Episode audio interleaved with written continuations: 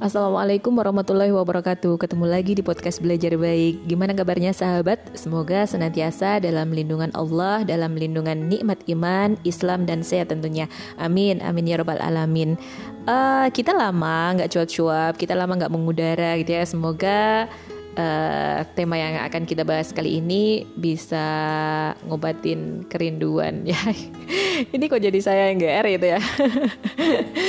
But uh, by the way semoga benar-benar bermanfaat ya cuap-cuap kita gitu ya. Insya Allah kali ini kita mau ngebahas tentang kerennya bahasa Arab. Nah sahabat, biasanya kalau ada swipe kita yang mahir chassis in English, gimana rasanya? Kayaknya udah biasa ya kalau teman kita itu ada yang mahir bahasa Inggris. But kalau ada sohib kita yang jago chassis in Arabic gimana? Pasti luar biasa, iya kan? Nah, tapi tapi kalau kita lihat fakta sekarang really gitu ya. Sekarang itu kita baru ngomong anta, anti, antum, ana, mungkin juga panggilan ke ortu kita kita panggil Umi, Abi, gitu aja dikit-dikit udah dibilang ke Arab-Arapan. Dan biasanya pasti diendingin dengan uh, radikal lah, teroris lah. Duh, sedih ya. Emang dunia udah kebalik. Padahal kita tahu bahasa Arab itu adalah bahasa yang paling istimewa, ya kan? Gimana nggak istimewa coba? Coba kita ngulik dikit tentang bahasa Arab. Bahasa Arab itu adalah bahasa Al-Quran.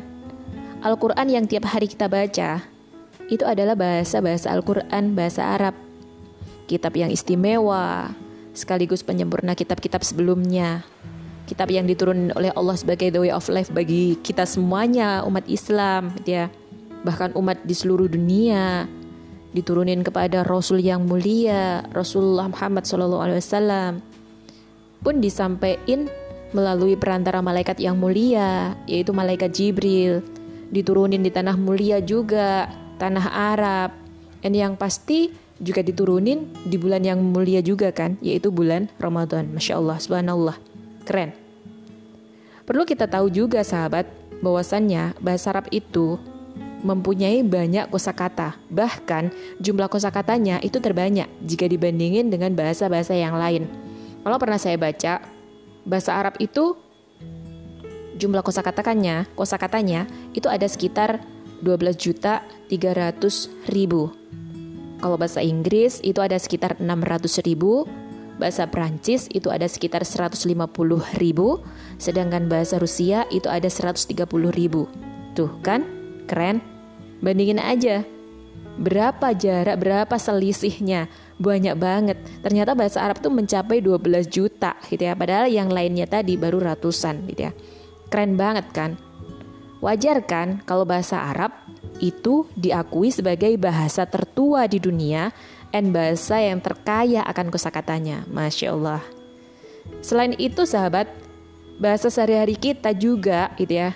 Itu banyak banget yang berasal dari bahasa Arab. Kadang kita nggak nyadar ya kita ngomong A, B, C gitu ya. Ternyata ada beberapa kata yang sering kita gunain dalam seharian kita itu ternyata diadop dari bahasa Arab.